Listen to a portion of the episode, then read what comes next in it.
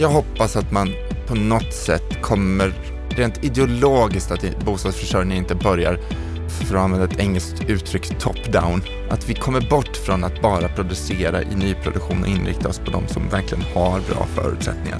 De kan ju faktiskt äga sitt boende. Med en hyresrätten eller den kooperativ hyresrätten har vi en möjlighet att på något sätt bostadsförsörja, i alla fall från mitten utav vår inkomstpyramid. Bara det mindshiftet är jag ute efter.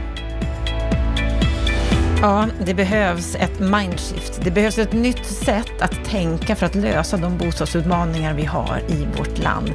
Det räcker inte att bygga billigare, för det är inte någon garant för att hyran blir lägre. BoCoop, det är ett nytt initiativ som satsar på kooperativa hyresrätter med ett upplägg som visar att det faktiskt går att åstadkomma positiv förändring inom ramarna för dagens politiska system. I dagens Bopolpodden så får du ta del av Bo Coops lärdomar kring att starta upp ett nytt storskaligt bostadskooperativ från grunden, där de visar att det går att åstadkomma förändring snabbt. Kan det här vara ett koncept för framtiden? Kan det vara en inspiration till att kommunerna förändrar hur de bedriver sin bostadsförsörjning så att fler personer med behov får en bostad? Varmt välkommen till Bopolpodden där vi ska prata om detta just idag. Jag heter Anna Bellman och jag är mycket glad för att du lyssnar på vårt program. Gillar du det får du gärna sprida det till fler. Och vill du förkovra dig ännu mer, ja då går du in på bostadspolitik.se. Men nu kör vi igång det här programmet och funderar på, kan kooperativ hyresrätt vara framtiden?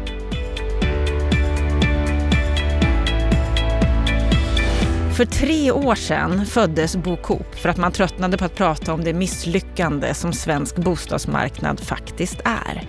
BoCoop är den första nystartade storskaliga satsningen på kooperativ hyresrätt på över 100 år. Varmt välkommen till Bopolpodden Björn Sundin och Olof Langgren. Tack, tack. Olof, du är grundare och ordförande till BoCoop.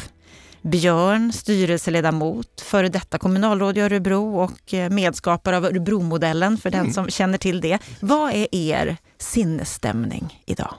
Ska jag börja? Du får börja Olof. Vad härligt. Jag skäms. Varför skäms du? För att vi har en bostadsmarknad med fastighetsmiljardärer, för att vi har en bra lagstiftning, för att vi har mycket mark i Sverige och vi har enorm rikedom i Sverige. Och ändå lyckas vi inte på säkert 20-30 år lösa bostadsbristen för låg och mellaninkomsttagare. Mm. Du skäms och Sveriges vägnar. Ja, och mina vägnar också. För jag är en del av branschen. Men det verkar som att du gör något åt det i alla fall. Ja, målet är ju att skämmas lite mindre när dagen är slut. Ah, Okej, okay, okay, så fort går det alltså. Björn Sundin, vad är din sinnesstämning idag? Eh, ja, då borde jag skämmas också, men jag är ju en glad optimist så jag tycker att det är snarare att det är roligt att få prata om att det händer en massa bra saker. Så det är väl snarare att är hoppfullhet, att det, man, det finns intresse för att göra någonting åt det här som, som Olof skäms för. Jag har ju försökt under åren som kommunalråd så försökte jag ganska mycket så att det känns konsekvent att få vara här och, och liksom få prata vidare om hur man kan göra det på andra ställen än just i Örebro. Då. Och, och vad är det då som är problemet till att du skäms? Alltså problemet till, till att vi har den situation vi har idag? Jag tror att det är många olika faktorer. Ehm, men framförallt kanske att vi inte riktigt tar tag i, i det som vi själva styr över. Ehm, en fastighetsutvecklare styr över många olika saker, hur lägenheterna förmedlas, hur de finansieras. Kommunerna styr över sin, sin bostadsförsörjning. Man behöver inte ha ett bostadsförsörjningsprogram som, som skaver i byrålådan. Man kan ju faktiskt ta tag i det, som, som Örebro delvis har gjort. Ehm, så att, vi har väl försökt ta tillbaka initiativen själva, först och främst. Att inte bli en av dem som hela tiden säger att problemet är någon annans. Att byggpriserna är för höga, att folk eh, förväntar sig för hög avkastning, att kommunerna vill ha för mycket betalt för marken, att det tar för lång tid att planlägga. Den där listan av ursäkter har, har också paralyserat oss. Eh, det första vi gjorde var att lägga den åt sidan. Jag tror det är liksom lite där man får börja. Eh, för annars blir ingenting gjort om vi väntar på att någon annan ska ändra på sig. För det var tre år sedan då ni la det här åt sidan och inte skyllde på alla andra utan tänkte nu ska vi göra något åt det här. Vad var det som hände då? Uh, jag tror bara att det var ett kollektiv som fick nog. Som insåg någonstans att okej, okay, om vi sätter oss ner med erfarenhet från den kommunala sidan som Björn representerar, eh, jag har en ganska bred erfarenhet av både finansiering och stadsbyggnad, av att rådgöra åt både kommuner och A-listeföretag. Eh, vi har finansiella experter, vi hade arkitekter. Eh, vi satte oss ner helt plötsligt, och, och, eller helt plötsligt, det gjorde vi inte alls, det var planlagt, men vi, vi satte oss ner och sa, okej, okay, Eh, vad är hindren? Vad är modellerna som gör att vi kan lyckas? Vad gör man utomlands? Eh, vad funkar, och funkar inte? Helt utan skygglappar. Välja den bästa upplåtelseformen, bästa finansierings eller mest realistiska finansieringsmodellen eh, och också titta på vad som fanns till bud så att säga på byggsidan. Så att, eh, vi gjorde ett pussel helt enkelt och det tror jag inte vi har varit ensamma om, men jag, kanske resultatet har kommit lite längre och kanske lite, eh, tagit en liten annan form tror jag. Framförallt kanske var vi börjar någonstans. För det är inte så länge sedan ni startade, tre år sedan. Tre år sedan och eh, vi har väl eh, i alla fall nio, tio månader kvar innan vi flyttar in. Så att vi, I det första projektet. Det första projektet så att säga. Ja, så, så, att eh, omvärlden tycker att vi är jättesnabba i den här branschen. Vi eh, tror jag är väldigt otåliga. Mm. Björn, som då före detta kommunalråd som, som, som Olof har berättat här i Örebro har man kommit en bit på väg i alla fall. Vad är det som gör att du har engagerat dig i Bokhop?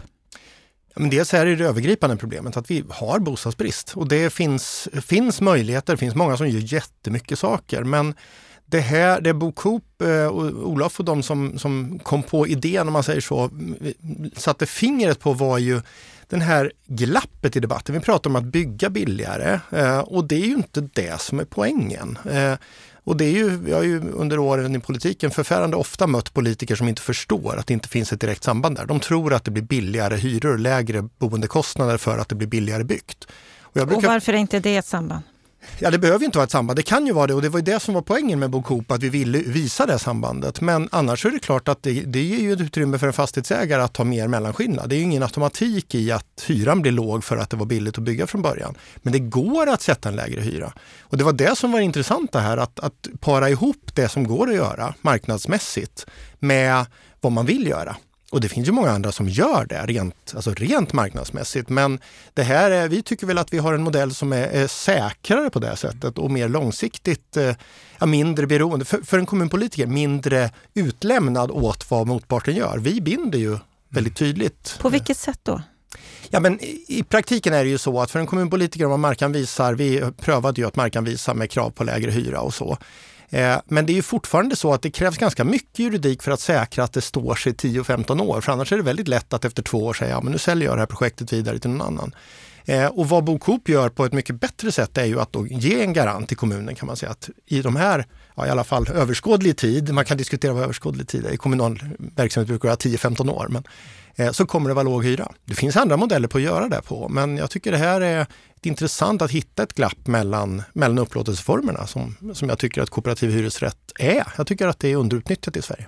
Ja, det är inte så stort nej, kan man ju säga. Det här, det här pratade vi med Eva Nordström om för, för ett par veckor sedan. Vad är det som gör den här formen så bra?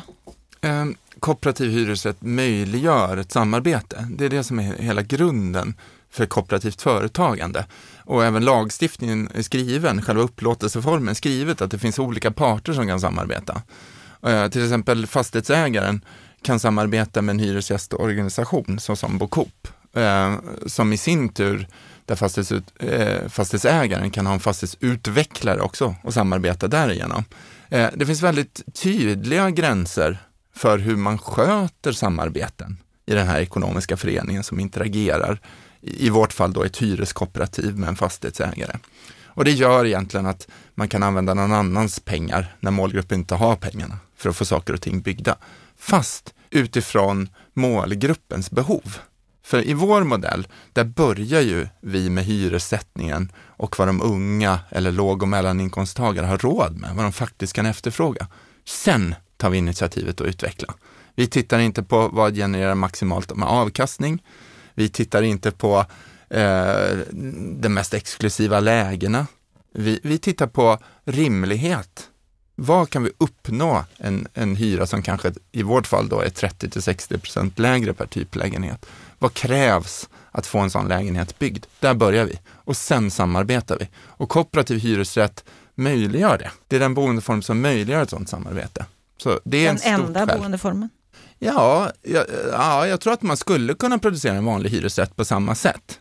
Men jag tror att efterfrågan blir tydligare, själva fokuset blir tydligare i och med att det är medlemmarna som på något sätt dikterar villkoren från början. Eh, och jag känner i alla fall ingen hyresrättsutvecklare som är så disciplinerad med en låg och mellaninkomsttagarmålgrupp som har det så att säga framför sig när de börjar producera enbart. Där tror jag avkastning är mycket, mycket viktigare. Vi pratade ju med Eva Nordström för ett par veckor sedan om just att det här är ingen ny boendeform. SKB har ju funnits i över hundra år. Ni skriver så här om er själva att målet när ni startade Bokhop det var att genom nytänkande och samarbete söka nya lösningar på ett av de mest akuta samhällsproblemen i Sverige. På vilket sätt är ni nytänkande här? Jag tror att om vi börjar från, eh, från upplåtelseformen. Eh, upplåtelseformen var egentligen en, ett val vi gjorde på grund av att den passade uppgiften bäst. Eh, och nytänkande tror jag att man måste vara, inte bara i sättet man upplåter bostäder och organiserar sig, utan Måste, man måste tänka igenom de tekniska systemen i lägenheten, hur man bygger, att man inte, framförallt inte bygger en enda kvadratmeter mer än vad man behöver. Och där har vi också sett att investeringsstödet tyvärr inte heller bidrar till att vi bygger mindre lägenheter, vilket egentligen borde. Eh, utan det måste också komma från en vilja från utvecklaren. Eh, hur vi transporterar oss, hur vi tar emot gods, eh, livsmedel till, till bostadsområdena. Vi har försökt tänka igenom alla de aspekterna som på något sätt gör ett prisvärt boende från grunden. Så det är nytänkande, det gör inte andra? Eh, jag tror inte alla eh, bygger inte samma typ av lägenhet som vi gör. Eh, vi ser fortfarande att med investeringsstödet så bygger man ungefär samma yt, yta per typlägenhet som man gjorde innan. Eh, vi ser att lägenhetstyperna är för stora idag, eh, vilket vi tycker är ett resurslöseri när det vänder sig till den här målgruppen. Det är ett exempel på eh, att man inte ens klarar det så att säga. Eh, nu ska jag inte vara överdrivet kritisk, men, men, men många gör lite grann, men vi försöker göra allt, alla små förändringar samtidigt. Just det här med investeringsstödet, om vi ska fördjupa oss lite i det, så är det ju många som är tveksamma till investeringsstödet. Det beskrivs i en ny rapport av byggföretagen som ett bostadspolitiskt misslyckande eftersom pengarna inte alls alltid har gått till kommuner eller till hushåll med störst behov av ett subventionerat byggande. Men ni menar att, att det fungerar? Det fungerar på så sätt att det gör det systemet är designat att göra. Eh, det, det premierar yteffektiv, yteffektiva lägenheter. Eh, det premierar en bra miljöprestanda, energiprestanda och det premierar en rimligt låg hyra, eller det måste man ju ha. Eh, så så det gör systemet. Däremot så den kritiken som dyker upp att det blir fortfarande för stora lägenheter den tycker jag vi måste rikta mot fastighetsutvecklaren och fastighetsägaren. Inte till stödet i sig? Nej. För att där Men är kraven rätt formade då? Ja, jag tycker den premierar yteffektivitet och sen att man räknar bort sig, för det måste jag ändå säga att man gör när man bygger lite större lägenheter än vad vi tycker är rimligt eller som efterfrågas. Där räknar man bort sig helt enkelt. Det är faktiskt sämre lönsamhet. Eh, sen förmedlingen av lägenheten, att det går, inte går till de som har det sämst eller till och med kanske går till de som har det till och med bättre för att de har längre kötid. Den eh, kritiken tycker jag är berättigad. Eh, men det står också fritt till fastighetsägare och i vårt fall en kooperation att förmedla med förtur. Man kan ta eget ansvar. Är det verkligen lagen som ska diktera vilket ansvar vi förväntas ta? Jag vet inte det. Jag tycker systemet är ganska bra designat.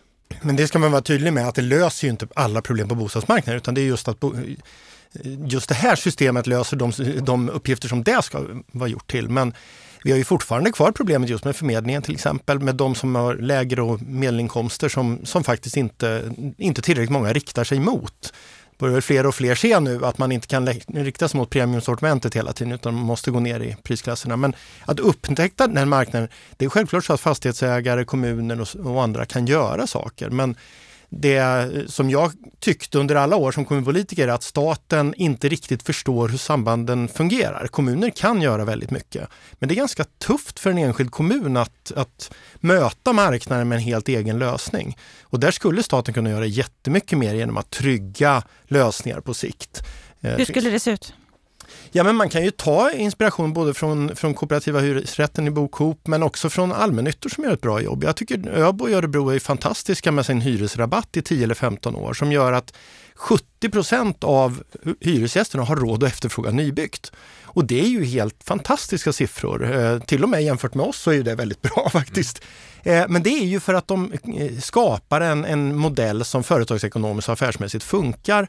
Men det är klart att det där skulle ju staten kunna garantera också. Man skulle kunna tänka sig att det fanns statliga lån med 15 eller 20 års bindningstid som ställer vissa krav och som stipulerar vissa villkor och så vidare. Så att man ändå tryggar eh, balansen eh, i bolaget i bakänden. För det är ju det som är det stora problemet för en del företag. Så att det finns jättemycket att göra om, om de olika sektorerna löser sig. Men det som är så roligt i det här är ju att nu får jag liksom, som en aktör på marknaden försöka vara med och lösa de här uppgifterna som, som jag tycker att fler borde göra.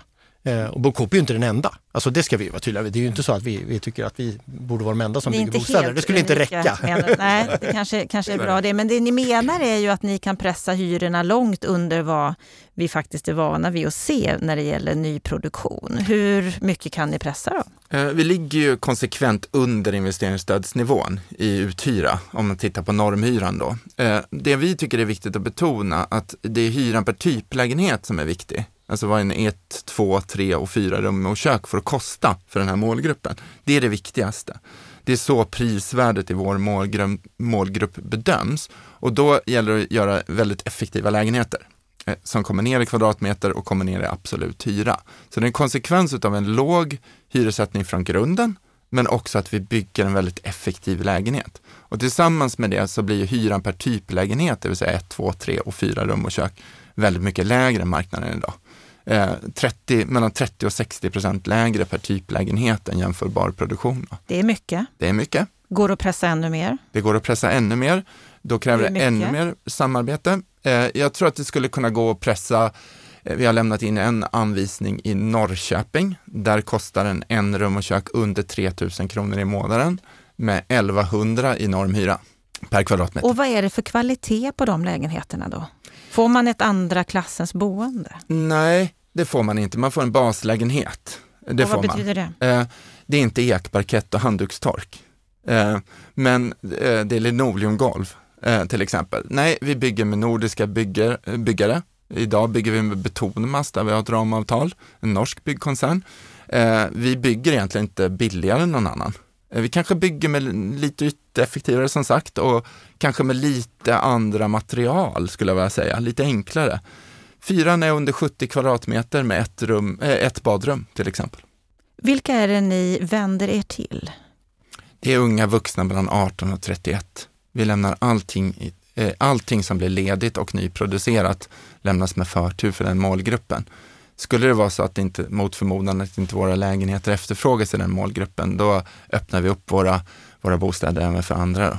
Mm. Och där vet ni kanske inte riktigt än, det är några månader kvar innan första projektet är inflyttningsklart. Det är i Nykvarn, 145 lägenheter mm. som ni bygger tillsammans med Balder och Tredje AP-fonden. Ja, det stämmer väl. Eh, och där är efterfrågan otroligt god. Eh, vi ser även innan vi har gått ut till uthyrning att, att jag blir uppringd, så uppsökt och, och vi ser ett, ett väldigt stort bostadsbehov. Eh, I Nykvarn där vi bygger först, där det är 11 500 kommuninvånare ungefär och 3 500 står i den lokala bostadskön. Då. Eh, och eh, till de hyresnivåerna ser vi väldigt många som hör av sig. Eh, vi kanske blev lite överrumplade av vilka som hörde av sig, för det visade sig att det inte bara var ungdomar som hörde av sig, utan det var pensionärer. Eh, det var nummer två, så att säga. Och nummer tre var ensamstående mödrar, som är totalt överrepresenterade, som vill åt våra treor och fyror som ligger lågt i. Har ni rätt målgrupp då? Borde ni bredda den redan från start? Ja, vi har tagit ett djupt eh, andetag och lämnat in en sån anvisning i Luleå bland annat. Eh, som vänder sig till, till unga familjer och till, till just den målgruppen av kanske ensamstående föräldrar. Då. Eh, vi skulle säkert kunna titta på ett plus 55, lite äldre också, med tiden, men vi känner också samtidigt att vi måste ha fokus på de unga de unga har hamnat väldigt, väldigt snett. Eh, eller vi har hamnat väldigt snett i relation till de unga rättare sagt. Det är vår framtid. Det är en fantastisk målgrupp. De är välutbildade, kommer bara få det bättre och bättre. Och någonstans har vi på något sätt sagt att de ska vara svag målgrupp. De är ju vår starkaste målgrupp. Så det är först. Sen får vi se. Mm. En målgrupp som har svårt att komma in på bostadsmarknaden, där amorteringskravet återinförs nu igen efter, efter sommaren. Ja, men det, är, det är ju uppenbart att det finns luckor i bostadspolitiken. Så att det, det, om det låter som vi är nöjda med allt så är vi inte det. Vi konstaterar bara att det går att göra väldigt mycket om man vill. Eh, och då behövs det en mångfald. Det är det som är så himla bra att bostadsmarknaden är just en marknad. Att det finns många aktörer som gör olika saker. Vi kan inte ta på oss att bygga för alla. Men vi bygger för grupper som har väldigt svårt att få bostäder idag. Och som faktiskt, som du säger med amorteringskravet, som får det tuffare och tuffare. Och det är ju delvis på grund av politiska beslut. Eh, och då får väl både kommuner och andra rannsaka sig själva och säga okej, okay, kan vi hjälpa, hur kan vi göra för att motverka det här då? Om man nu tycker att det är rätt med amorteringskrav eller med bolånetak eller vad det nu kan vara, ja men då måste man göra något annat för att kompensera. Och vi tycker att vi har en lösning här då. Eh, men det finns ju många andra. Och det ska man ju inte vara, sticka under stolen. Det är Men det som är så glädjande. om vi fokusera på er, er ja, lösning som, som ni är väldigt nöjda med, låter det ju som. Eh, jag har ju refererat här till Eva Nordström från SKB mm. som ju var här för ett par veckor sedan och då frågade jag ju varför finns det inte fler kooperativa hyresrätter om det nu är så bra? För det är ju ingen boendeform som har riktigt tagit eh, Sverige med storm kan man inte, kan man inte säga. Och då räknar hon ju upp några utmaningar som exempelvis att det är svårt att starta med eget kapital eller utan eget kapital. Mm. Det stämmer ju eh, väl. Finansiering är eh, på något sätt en hjärtefråga eller en grundbult i allting. Ehm, och Eva som är fantastisk representant för kooperativ hyresrätt och SKB är en, lite utav en ledstjärna för oss. Men eh, de är ett ägarkooperativ. Eh, de har ganska höga insatser i jämförelse med de insatserna som vi har. Och det beror på att de äger byggnaden i kooperativet. Vi har ju valt en modell som är vanlig i Nordeuropa som ett hyreskooperativ, det vill säga att våra medlemmar äger inte byggnaden och finansierar den inte heller. Och vi ställer oss ganska tidigt frågan, vem är det då som ska finansiera de här bostäderna? Vem är intresserad av att äga dem? Och vem är det som har pengarna? Och där måste vi ju säga att de kommersiella bankerna har ju, har ju lämnat arenan. Eh, men däremot så har vi ju ett väldigt stort bra långsiktigt ansamlat pensionskapital där ute, ett institutionellt kapital. Och de är intresserade av att äga bostadsfastigheter och då gärna utan så mycket aktiv förvaltning. Och det är ju där kooperativet och samarbetet kommer in. Vi krokar arm med dem. De har bra eh, avkastningsförväntningar, eller bättre i alla fall, lägre. Eh, de ser lite på lite längre sikt. Det passar oss ganska bra, så då tecknar vi 25-åriga avtal med dem. Ehm, och, och, där har vi hittat vår finansiering utanför målgruppen. Så det är så vi löser det. Insatserna är mellan 30 och 60 000 och de är mer för att trygga förvaltningen. De är inte för att finansiera byggnaden. Det har vi pensionspengar till.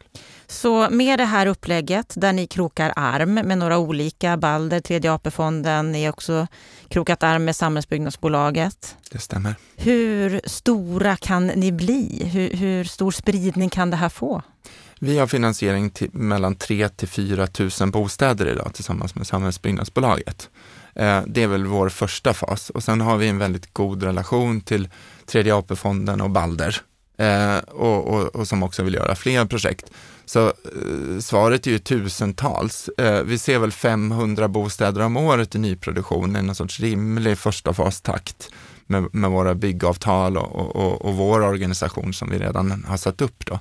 Eh, så ja, vi hoppas ju på, eh, på långt fler än 3 4 tusen vart det lider och vi ser ju att kalkylerna stämmer och att vi håller det tempot och, och, och, vårt byggsystem och våra lägenhetstyper håller att bygga till de kalkylerna vi har satt ut att göra. Så att det finns inget som tyder på att vår modell inte ska funka i praktiken, utan nu handlar det mer om att växla upp och faktiskt komma åt marken.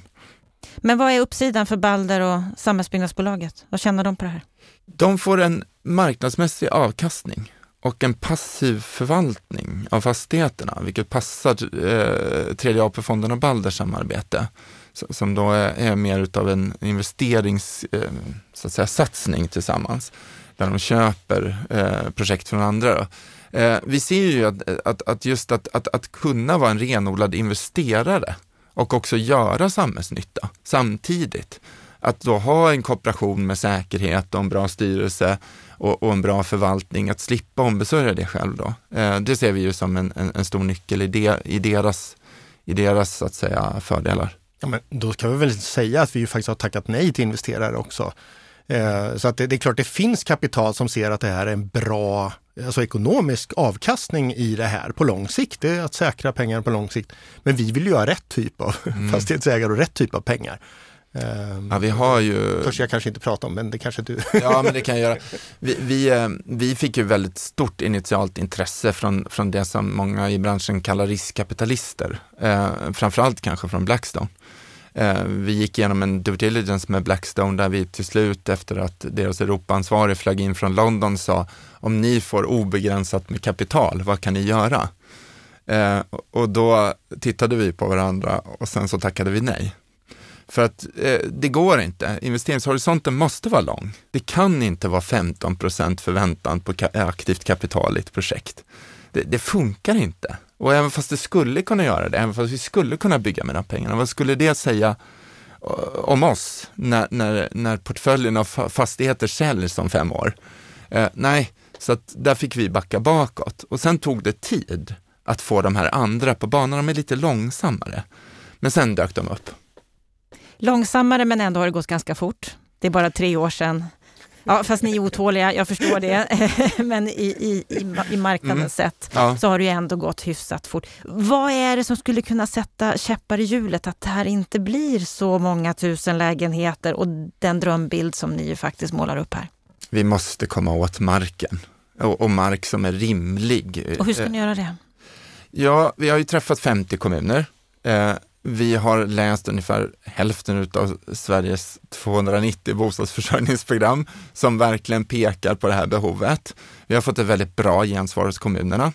Eh, vi har eh, fått vår första direktanvisning som var den första vi har sökt i, i eh, Nynäshamn utav en moderatledd koalition. Att betona kooperativ hyresrätt. Ja, du är förvånad. ja, nej, men det, det var ju lite annorlunda där. Där, där var socialdemokratin emot eh, och ville utreda och, och Moderaterna drev igenom det. Eh, och, Vad beror det på tror du? Eh, nej, det var nog mer, mer, politiska motsättningar skulle jag tro, än, än möjligtvis ideologiska. Så att, så att, eh, men, men det, det, har gått väldigt bra. Alltså, tjänstemännen har, kommunen har ju ett bostadsförsörjningsansvar, men kanske saknar de här verktygen som Björn har pratat om. Ibland kanske de inte har tagit initiativ att skapa egna verktyg och då kommer vi eh, och fyller ett glapp. Och, och, vi har en aktiv dialog med tio, ett tiotal kommuner. Eh, så att jag hoppas att, att snart blir det några till. Um, Fast det är ju en utmaning att förklara vad det här är. Eh, därför att det är ju, kommunerna är ju vana vid de aktörer som finns och några känner man igen och då, då, en del litar man på, en del litar man inte på. Men, men i grunden så är det klart att kommunen ska ju göra en bedömning som håller för allt. Det ska ju vara transparent och det ska vara öppet och sådär. Och då är det ju inte så himla lätt när man kommer relativt ja, men, nystartat då, då eh, med inte så mycket historia, inte så mycket i ryggsäcken att visa upp. Eh, men, men steg för steg så tycker vi att det går bra. Mm. Eh, och det är ju just att vi faktiskt kan peka på ett, ett behov som ju alla ser behöver fyllas. Det här är någonting som man behöver göra något åt och det, det tror jag kommer gå bra. Men det, det, det är ju som sagt det är en liten uppförsbacke att, att presentera sig och berätta vad det här är. Nu är ju ni en aktör. Det här är en modell ni verkligen tror mm. på. Den har inte slagit på hundra år i Sverige rejält. Kommer fler aktörer att komma efter tror ni? Det vore väl skönt om det var. Vi hade ju mycket diskussioner om det här om en nykooperativ rörelse och allt sånt där. Och egentligen så kan man ju säga man kan ju börja från olika håll. Olof kommer ju egentligen från, från fastighetsekonomin, alltså kan det där. Man skulle ju kunna tänka sig att det är stora medlemsorganisationer som, som ger sig in i det här och kooperationen kanske ser en ny uppgift för de unga eller ja, fackföreningsrörelsen och så vidare. Så att jag tror egentligen att det där, eh, att kunna presentera en grupp som vill ha en bostad, det är klart att det är mycket lättare för en fastighetsägare att säga, ja men okej, då har jag ett hus här. Eh, bara jag, slip, jag slipper ta hand om det, ni fixar det. Och den lösningen borde ju nästan vara enklare om man sitter på ett medlemsregister på, på några hundratusen från början. Så att det, vi får väl hoppas att fler vill vara med. De är välkomna till oss först, eh, men sen efter ett tag så är det Såklart. väl bra. Det, När ni är mätta och nöjda då kan, då kan fler få komma in. Gärna. Ni säger ju väldigt tydligt i ert, ert program, om man får säga så, ert manifest på er hemsida, att ert mål är att visa att det faktiskt går att åstadkomma positiv förändring inom ramarna för dagens system. I den här podden är det väldigt många som proklamerar vikten av förändringar när det gäller bostadspolitiken, men ni menar att det behövs inga förändringar, är det så? Det skulle göra det lättare. Mm. Eh, det sticker man ju inte under stolen med. Det vi har svårt att hantera, om vi får hålla oss till i vår modell, där vi ändå har löst eh, byggnation, vi har löst finansiering. Eh, vi stöter på sånt som parkeringstal. Vi vänder oss till en ung målgrupp. Det finns ofta ganska höga parkeringstal, kostsamma parkeringsanläggningar som ibland uppgår till nästan en tredjedel utav budgeterna i vissa fastighetsprojekt, bara för att ombesörja en stillastående bil till exempel. Då har vi fått hantera det genom att ha e-handelsannex, elbilpool, cyklar, andra sätt att försöka övertyga kommunerna att vi faktiskt inte behöver anlägga något parkeringsgarage eller, eller någon undermarkstruktur under våra byggnader. Så det är en utmaning. Eh, och den tycker vi ligger i linje med hållbarhet och det kommer säkert lösa sig över tid. Sen är ju frågan också priset på marken såklart. Vi vill inte ha A-lägen, vi vill ha B, då, lite halvdåliga B-lägen är okej okay för oss, okej okay för våra ungdomar. Så, så det är väl det jag övertygar om, att faktiskt också sätta ett fast pris som är rimligt på marken och faktiskt ö, se något annat än att, ä, än att bara stoppa pengar i kommunalbudgeten. Så att säga. Det hoppas vi på och det står ibland lite i vägen. Om ni skulle få drömma då? Vad skulle, vilken förändring inom bostadspolitiken skulle göra det lättare för er och för andra så att vi löser det här som ju du skäms över, Olof? Jag hoppas att man på något sätt kommer, rent ideologiskt, att bostadsförsörjningen inte börjar så att säga, för att använda ett engelskt uttryck, top-down. Att vi, att vi kommer bort från att bara producera i nyproduktion och inrikta oss på de som verkligen har bra förutsättningar. För de kan ju faktiskt äga sitt boende. Med den hyresrätten eller den kooperativa hyresrätten har vi en möjlighet att på något sätt bostadsförsörja, i alla fall från mitten utav vår inkomstpyramid. Bara det mindshiftet är jag ute efter. För har vi det mindshiftet att nu ska vi göra upp med det och verkligen producera brett för i nyproduktion och ta oss an den uppgiften, då tror jag med samarbete att vi faktiskt kan lösa det inom dagens system. Jag tror det.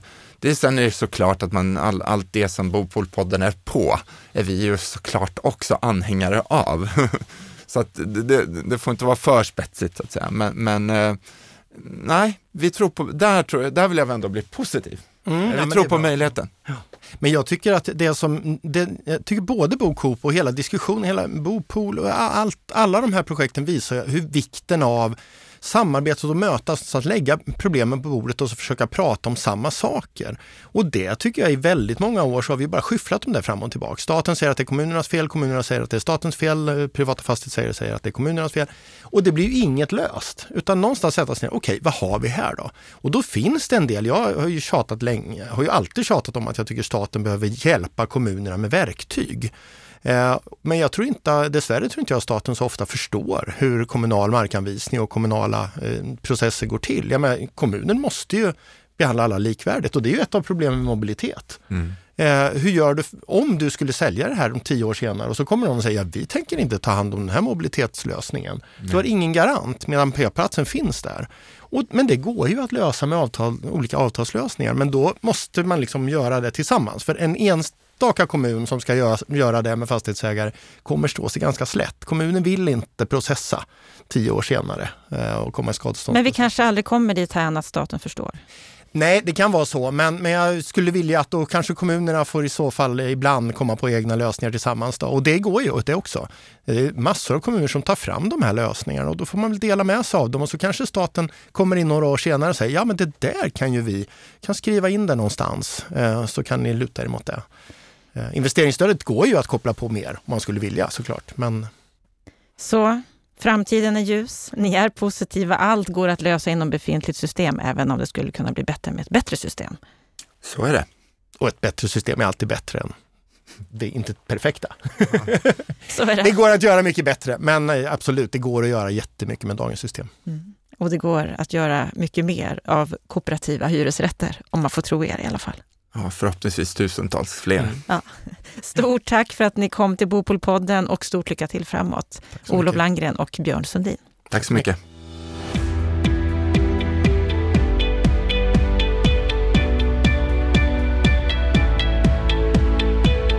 Då har vi hört samtalet om Bo Coop med Olof Landgren och Björn Sundin. Ja, vad säger du om, om det här samtalet och det här initiativet, Lennart Weiss? Ja, det här är ju både spännande och eh, innovativt. Du hör att jag trevar lite när jag tar sats här beroende på att eh, jag är lite överrumplad. Ehm, det här är någonting som jag för det första känner igen från, från en historia long time ago och en debatt som handlade om självförvaltning som jag i högsta grad var väldigt inblandad i själv. Det var, det var en stor politisk konflikt i det socialdemokratiska ungdomsförbundet som höll på att leda till att det, det höll på att spricka hela ekipaget faktiskt. Va? Jag är själv initiativtagare till Sveriges två första självförvaltande skolor, sagt bara som en parentes, men jag drev aldrig något konkret projekt vad gällde självförvaltning i boendet. Bara för att ta en kort förhistorik så kan man säga att, att eh, jag menar, man måste sortera ut vad det är olika saker här rent begreppsmässigt. Va? Kapitalism, det bygger på liksom att du gör en kapitalinsats och får förräntning på kapitalet. Kooperation, det bygger på att du med, med, med en begränsad kapitalinsats äger någonting tillsammans med andra, men ändamålet är inte att du ska avkasta vinst, utan syftet är att eh, driva verksamheten med självkostnad och gynna medlemmarnas ekonomiska intresse. Vad är självförvaltning? Självförvaltning innebär att du inte äger kapitalet, men du förvaltar en tillgång med syfte att gagna också medlemmarnas ekonomiska intressen Syftet är inte att generera vinst, avkastning, utan att eh, eh, främja något annat syfte och i det här fallet eh, de enskilda personernas, människornas behov av en bostad till så låga kostnader som möjligt. Och när vi drev självförvaltningsidén för i början på slutet på 70-talet, början på 80-talet, det är alltså långt tillbaka, så var det en tanke om att eh, eh, föra offentliga tillgångar närmare människor. Med den tidens lite svulstiga terminologi så sa vi att man skulle socialisera det som människor redan ägde, det vill säga överföra tillgångar som det allmänna redan ägde till människorna. Så att våran idé var ju att det här skulle göras inom allmännyttan, men det blev ett jävla liv på rent svenska. Eh, Mona Sahlin eh, drev igång en kampanj mot att folk, den ensamstående mamman hade inte tid att hålla på och städa i trapporna och dessutom eh, ta hand om självförvaltande dagis utan det här skulle staten göra. Så det blev en konflikt på den tiden mellan kooperativ, en kooperativ idéströmning och en mera statsorienterad. Och Hyresgästföreningen var naturligtvis också emot det för att de upplevde att det här var ett hot mot deras förhandlingsmonopol och så vidare. Så att det blev inte så mycket av det. Nu dyker den här tanken upp igen i lite annan form. Jag ska inte påstå att de har sneglat på historien, det tror jag inte alls, utan de, de, de, har, de utgår ifrån dagens historik. Men för mig som har ett lite längre historiskt perspektiv så ser jag parallellen. Men det är intressant att, att det här uppstår nu i, i, i en sorts symbios mellan eh, dessa kooperativa boföreningar och privata fastighetsaktörer. Väldigt intressant för mig måste jag säga. Det betyder att självförvaltningstanken återuppstår i en symbios mellan kooperatörer som har goda samhällsändamål, för det har de definitivt. Både Björn Sundin och Olof Sundgren är, Sandgren är uppenbart väldigt engagerade och väl pålästa personer, har komplementära kompetenser. Men de gör det här med fastighetskapitalets främsta eh, eh, symbolfigurer idag, nämligen Ilja Batiljan och, och eh, eh Erik Selin. Ja, och dessutom har då Erik uppenbarligen tredje AP-fonden bakom sig. Ska vi börja reda ut vad det här är för någonting rent strukturellt, Anna? Ja, det gör vi. Ja, för, för, vad är det här då? Ja, det innebär för det första att fastighetsägaren, Balder SBB i det här fallet, de äger själva fastigheterna och de har också ansvar för det planerade underhållet, tekniska investeringar. Den kooperativa boföreningen har ett avtal med Balder eller SBB om att förvalta marken, om eh, att förvalta allmänna ytor, de kan ta medlemsinitiativ, de sköter den ekonomiska förvaltningen. Så man kan säga att fastighetsägaren har lisat ut hela fastighetsskötseln, vilket är en jätteelegant modell. För de får ju alltså en trygg förvaltning av sitt kapital med någon annan förvaltar fastighetskapitalet med ett stort eget engagemang. Och sen är det hyresgästen då Eh, Eh, den boende som, som har ansvaret för det inre underhållet och den lägger dessutom en deposition, inte för att finansiera kåken utan som en sorts deposition för att säkerställa att om de inte sköter underhållet så finns det ändå en liten kassa för att i efterhand säkerställa underhållet. Det är liksom själva strukturen. Och eh, på det sättet så finns det alltså likheter förvaltningsmässigt med SKB-modellen där, eh, där, där, där där den kooperativa föreningen förvaltar den enskilda kåken. Men i det fallet så är det ju SKB som företag, som kooperativt företag som äger fastigheterna. Här äger man inte fastigheterna utan man förvaltar dem. Det här låter ju som en dröm för många som menar att, att vi behöver komma ner i hyra, vi behöver bygga billigare. Nu menar ju Björn Olof att det finns ingen korrelation mellan de två parametrarna, men att med deras koncept så kan vi verkligen få ner hyrorna så att fler kommer in på bostadsmarknaden. Är det här ett framgångsrikt koncept som kan bli mycket, mycket större? Vad tror du? Hur mycket större får vi se. Det, det finns redan etablerade, alltså svensk bostadsmarknaden har redan etablerat sig ett antal i några upplåtelseformer som är ganska fasta till, till, till sin struktur och fungerar. Du vet hyresrätten, eh, bostadsrätten, eh, äganderätten. Men det kan bli ett komplement. Hur stort det kan bli, det får vi se. Men man ska inte utesluta att det kan växa ganska ordentligt därför att jag ser poängerna utifrån fastighetsägarnas perspektiv. Tack vare boföreningarna så kommer sannolikt att komma åt attraktiv byggmark lättare. Så här får de ju liksom hjälp på marknadssidan.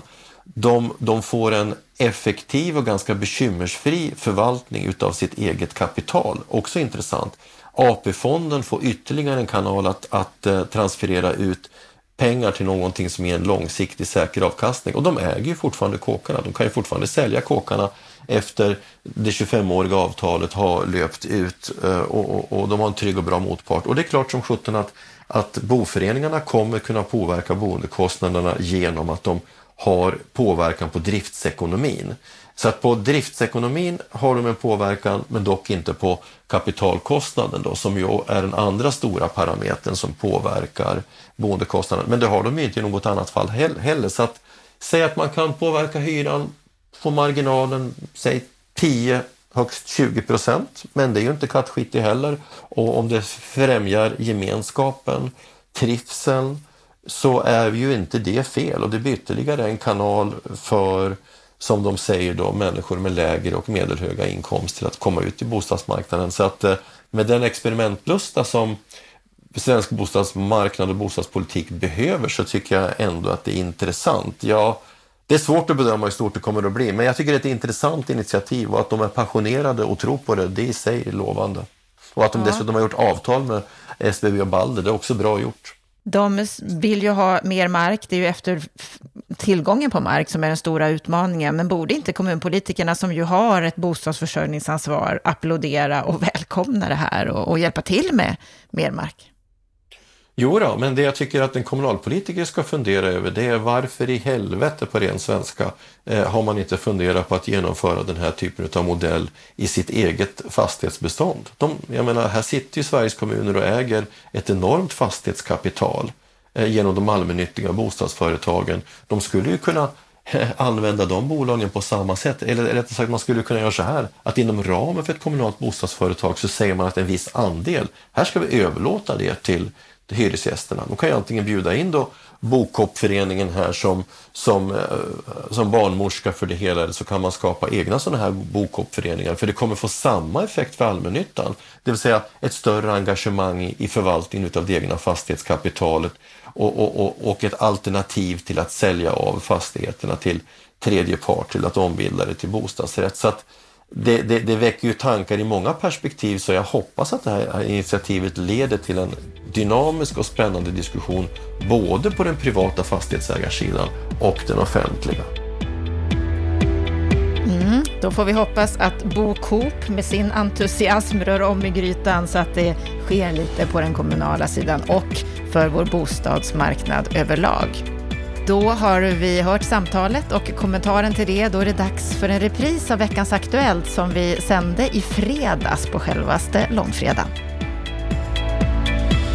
Den senaste veckan så har vi ju sett en förlängning av det som verkligen var i ropet förra veckan, nämligen att amorteringskravet återinförs efter sommaren. Och nu är det fler som har uttalat sig och sagt att det här är absolut inte okej okay på något sätt, eller att det i alla fall att det behöver ses över, det system som finns. Och nu har vi sett att Avanzas vd och SBABs vd har gått ut och reagerat på amorteringskravet och kallar det för förmynderi. Vad säger du om reaktionen från bank här, Lennart Weiss? Jag är förvånad över att den har kommit så pass sent. Därför att vad det här egentligen handlar om det är ju hur stora riskmarginaler behöver ett hushåll ha för oväntade händelser. Och då säger ju eh, Danielsson med stöd från eh, Avanzas VD att eh, det är orimligt att vi ska behöva ha sådana säkerhetsmarginaler som att hushållen ska ner på en belåningsgrad på 50 procent. Men, och, och, jag kan dela den eh, kritiken. Tidigare så, så, menade man ju att 70-80 procents belåningsgrad var good enough. Då hade man de säkerhetsmarginaler som krävdes. Men, men egentligen så kan jag tycka att de är lite väl snälla i debatten därför att om man tittar hur Finansinspektionen i praktiken driver eh, sin, sin policypolitik här så går det ut på att hushållen eh, i praktiken ska amortera ner till noll. Om du tänker efter, va, så alltså, om hushållen idag har 2 löpande amorteringar och det är inte gripet ur luften utan 88 utav, utav bolånetagarna eh, med nya bolån, de har en amorteringstakt då på eh, 2% per år. 2% amortering och sen har du eh, till det en, en, ehm, en inflation Eh, på mellan 1 och 2 procent. Då är alltså den reala amorteringstakten mellan 3 och 4 procent per år. Det betyder att ett bolån betalas av på 30 år. Och varför ska vi göra på det sättet? Alltså för ett år sedan så hade vi en liten debattväxling eh, mellan Tidén och mig och, och Attefall.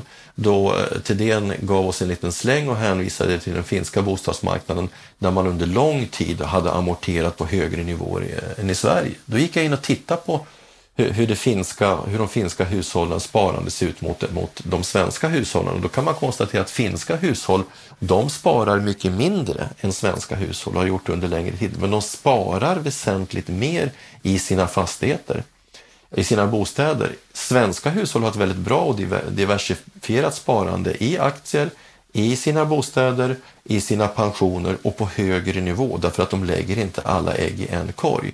Så att man kan ställa två frågor. Hur ska sparandet se ut? Vad är en bra fördelning? Och hur långt ska du så att säga amortera ner dina bostäder eller omvänt? Hur mycket ska du spara i ditt, i ditt eget boende? Och det här är bara ytterligare ett exempel på att Finansinspektionen har inte sorterat ut de här begreppen och lagt sig på någon sorts rimlig nivå, utan det blir på något vis som att man, man, man har blivit så fången av sin argumentation att allting som är kopplat till en lånesättning kopplat till dina, dina bostäder är liktydigt med risk och den risken ska tas ner. Trots att bo, deras egna bolånerapporter visar att hushållens återbetalningsförmåga, eh, förmåga att absorbera stigande räntor eller ökad arbetslöshet är extremt hög. Det är bara att läsa innantill från den senaste bolånerapporten.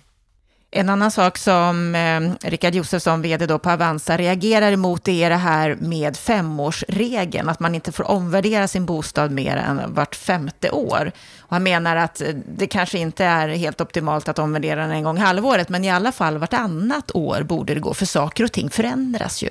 Absolut, och det kan ju förändras upp och ner. Så att eh, jag delar helt den uppfattningen och det visar ju också nackdelarna när man går över till ett allt mer regel, en, en allt mer regelstyrd bostadsmarknad. Alltså, det, det, som är lite komiskt med de här gubbarna, eh, Thedéen och Ingves, va? det är att de i ena änden är för mera marknadsekonomi. De pratar alltid om strukturella förändringar.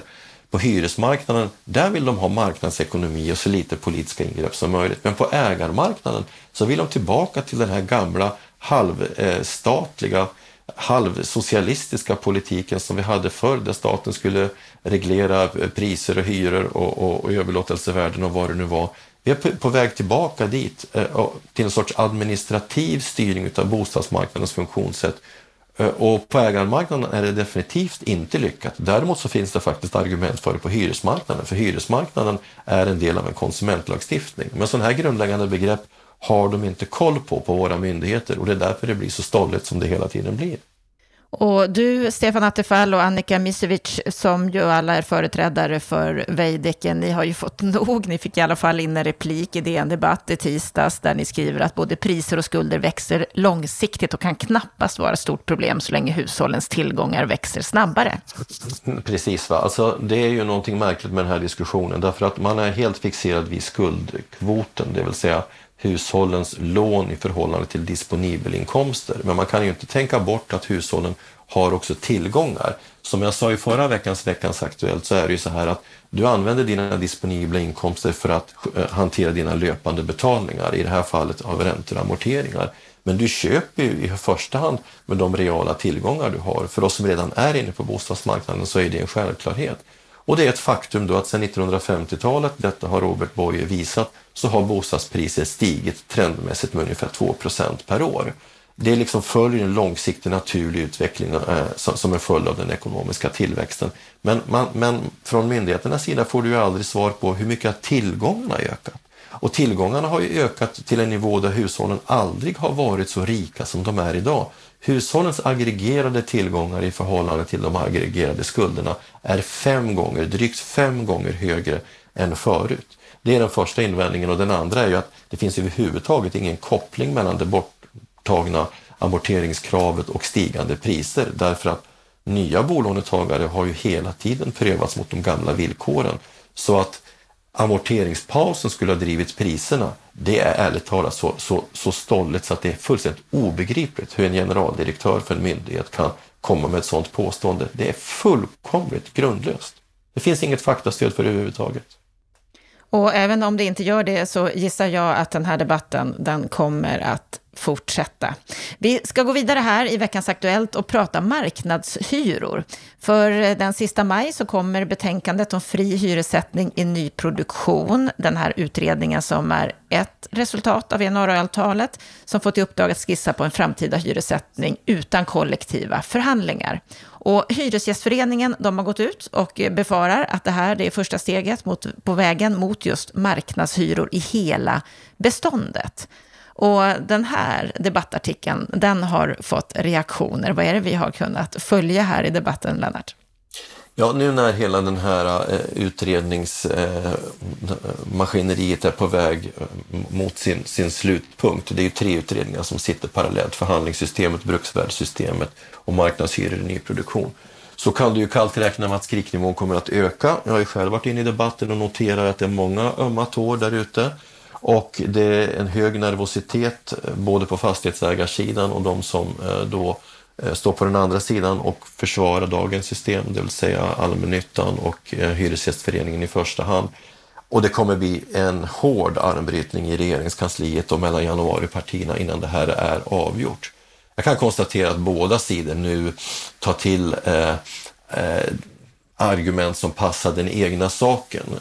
Kopsch skriver i, sin replik här till, Fredrik Kopsch alltså, eh, nationalekonom på Lunds universitet, skriver att eh, eh, i sin replik att eh, problemet med Linders analys är att inget parti har lagt den typen av förslag som Marie Linder beskriver. Men det lustiga är att just Kopsch var fram det, därför att när jag påpekade att det här är ju första steget mot en förändring, en grundläggande förändring mot hela hyresmarknaden Eh, och, och, och, menade att nu fick vi äntligen se den verkliga agendan. Då blev han förbannad och skrev på Twitter att det här var väl ingen ny agenda från hans sida. Det hade han ju skrivit en hel bok om tidigare.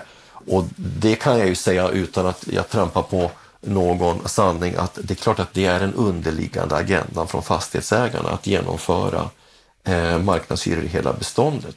Har något parti lagt det förslaget? Nej, det beror ju på att de inte vågar därför att de vill inte gå in i en valrörelse med den debatten. Men att det finns stöd för det synsättet hos Moderaterna. Moderaterna har ju till och med lagt en finanspolitisk motion, det gjorde de i höstas, där de vill genomföra marknadshyror i hela beståndet. Och att den åsiktsriktningen finns hos Centern och eh, Liberalerna, det, det, det, tror jag också att man kan vara relativt säker på. Så att det, är vad, det är vad det här i grunden handlar om. Det låter harmlöst med marknadshyror i nyproduktionen.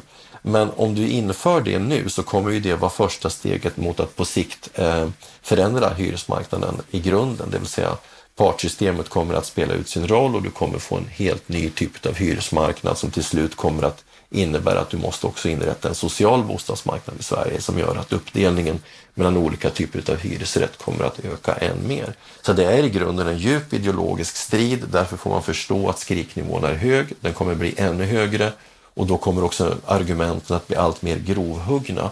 I det här läget så hoppas jag att vi, en del andra av oss som inte är lika engagerade, jag är mer engagerad utifrån ett principiellt perspektiv än ett intresse politiskt, att vi försöker hålla huvudet lite kallt och så bena lite argumentationen. För att eh, ingen sitter med, med en helt eh, ska vi säga, ren argumentation här. Man har olika principiella utgångspunkter. Om vi kan försöka föra en saklig debatt om för och nackdelar med olika lösningar så tror jag det vore bra. Men med det sagt så, så, tror jag ju fortfarande att det vore bättre att reformera dagens system. Det skulle nämligen åstadkomma mycket av det som januaripartierna vill åstadkomma med, med mera marknads med en hyresmarknad som också innehåller mer av marknadsmekanismer utan att man helt byter system. Men vi får se om man kommer dit. Det kanske är så låsta positioner att det inte är möjligt. Men spännande blir det i varje fall de sista veckorna. Det kan mm. du lita på, Anna. Spännande blir det och vi kommer följa det definitivt. Vi ska avsluta idag med att ta upp utredningen Samordning för bostadsbyggande som har överlämnat sitt slutbetänkande till regeringen. Frågan är, kommer den här att öka förtätningshysterin och stoppa småhusbebyggelse? Ja, det ligger ju i farans riktning. Jag blev riktigt tung i sinnet när jag läste det här. Ändamålet är naturligtvis gott. Man vill alltså minska transportsektorns, framförallt bilismens påverkan på klimatbelastningen. Eh, och därför så har man då lagt ett tilläggsdirektiv eh, till den här utredningen som du refererade till, Samordning för bostadsbyggande, där man föreslår att man genom förändringar i PBL ska åstadkomma en högre grad av transporteffektivitet. Då pratar man då om, om hur bebyggelsen planeras. Inom ramen för en tätare bebyggelse ska man vidta mobilitetsåtgärder. Det ska helt enkelt bli lättare för andra trafikslag än bilar eh, att, att eh, hantera att eh, lösa transportbehovet och sen ska man till det då tillföra olika typer av mobilitetstjänster. Så det är ett sammanhållet förslag som ju väldigt entydigt styr mot tätare eh, bebyggelse med minskat bilberoende och eh, som kommer att eh, ytterligare lägga eh, sordin på, på, på, på de som då eh, vill ha mer utav en villabebyggelse. Och jag tycker att det är olyckligt och en väl jag tycker man agerar väl snabbt här och långtgående utifrån ett gott ändamål. Ja, ja, vi hade en intressant krönika utav Ulf Perbo på bostadspolitik.se för några veckor sedan där han ju gjorde, presenterade olika transportekonomiska kalkyler, miljötransportekonomiska kalkyler som visade hur hela den här kartan förändras när vi nu går över, och väldigt snabbt går över, till en elbaserad bilflotta då är det inte alls säkert att det är mer effektivt att försörja trafik, eh, bostadsområden med, med eh, gamla dieselbussar.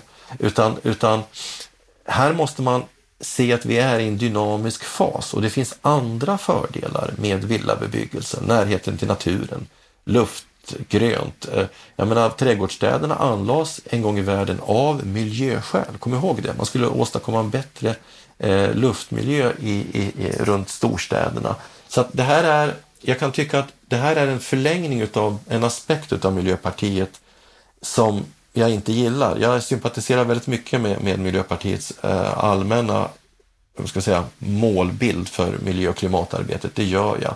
Men det finns ibland en, en individmoraliserande syn på miljöfrågorna som styr mot den här sortens lösningar där det till slut blir som att man är emot bilen som företeelse. Men vad fasiken om bilen inte längre Eh, spyr ut eh, koldioxid och, och, och bidrar med klimatgaser, vad är problemet då?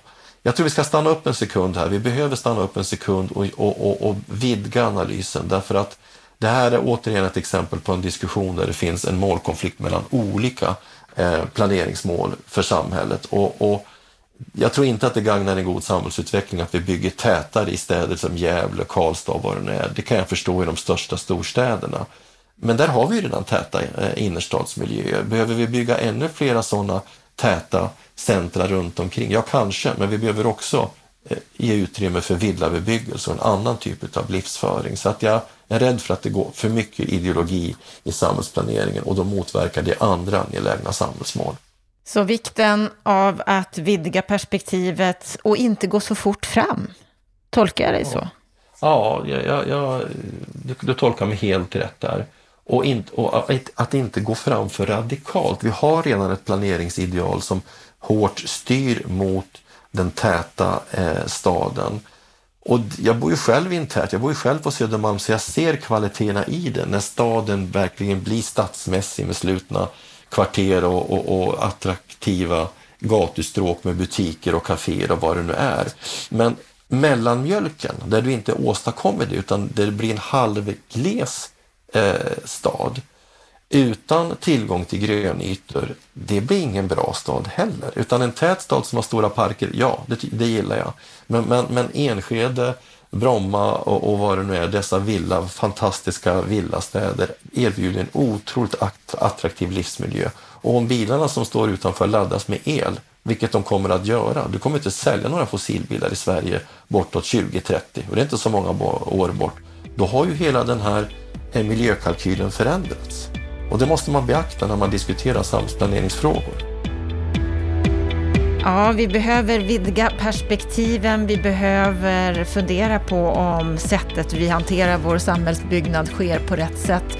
Och vi behöver också fundera på nya lösningar för att komma till rätta med de bostadsutmaningar som vi har i vårt land. Är det så att kooperativ hyresrätt borde få en ännu större plats och växa sig riktigt stark hos våra kommuner?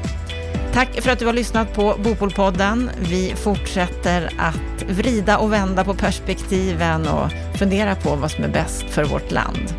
Med detta så önskar vi dig en fortsatt trevlig annandag påsk och i påskvecka som följer så hörs vi snart igen.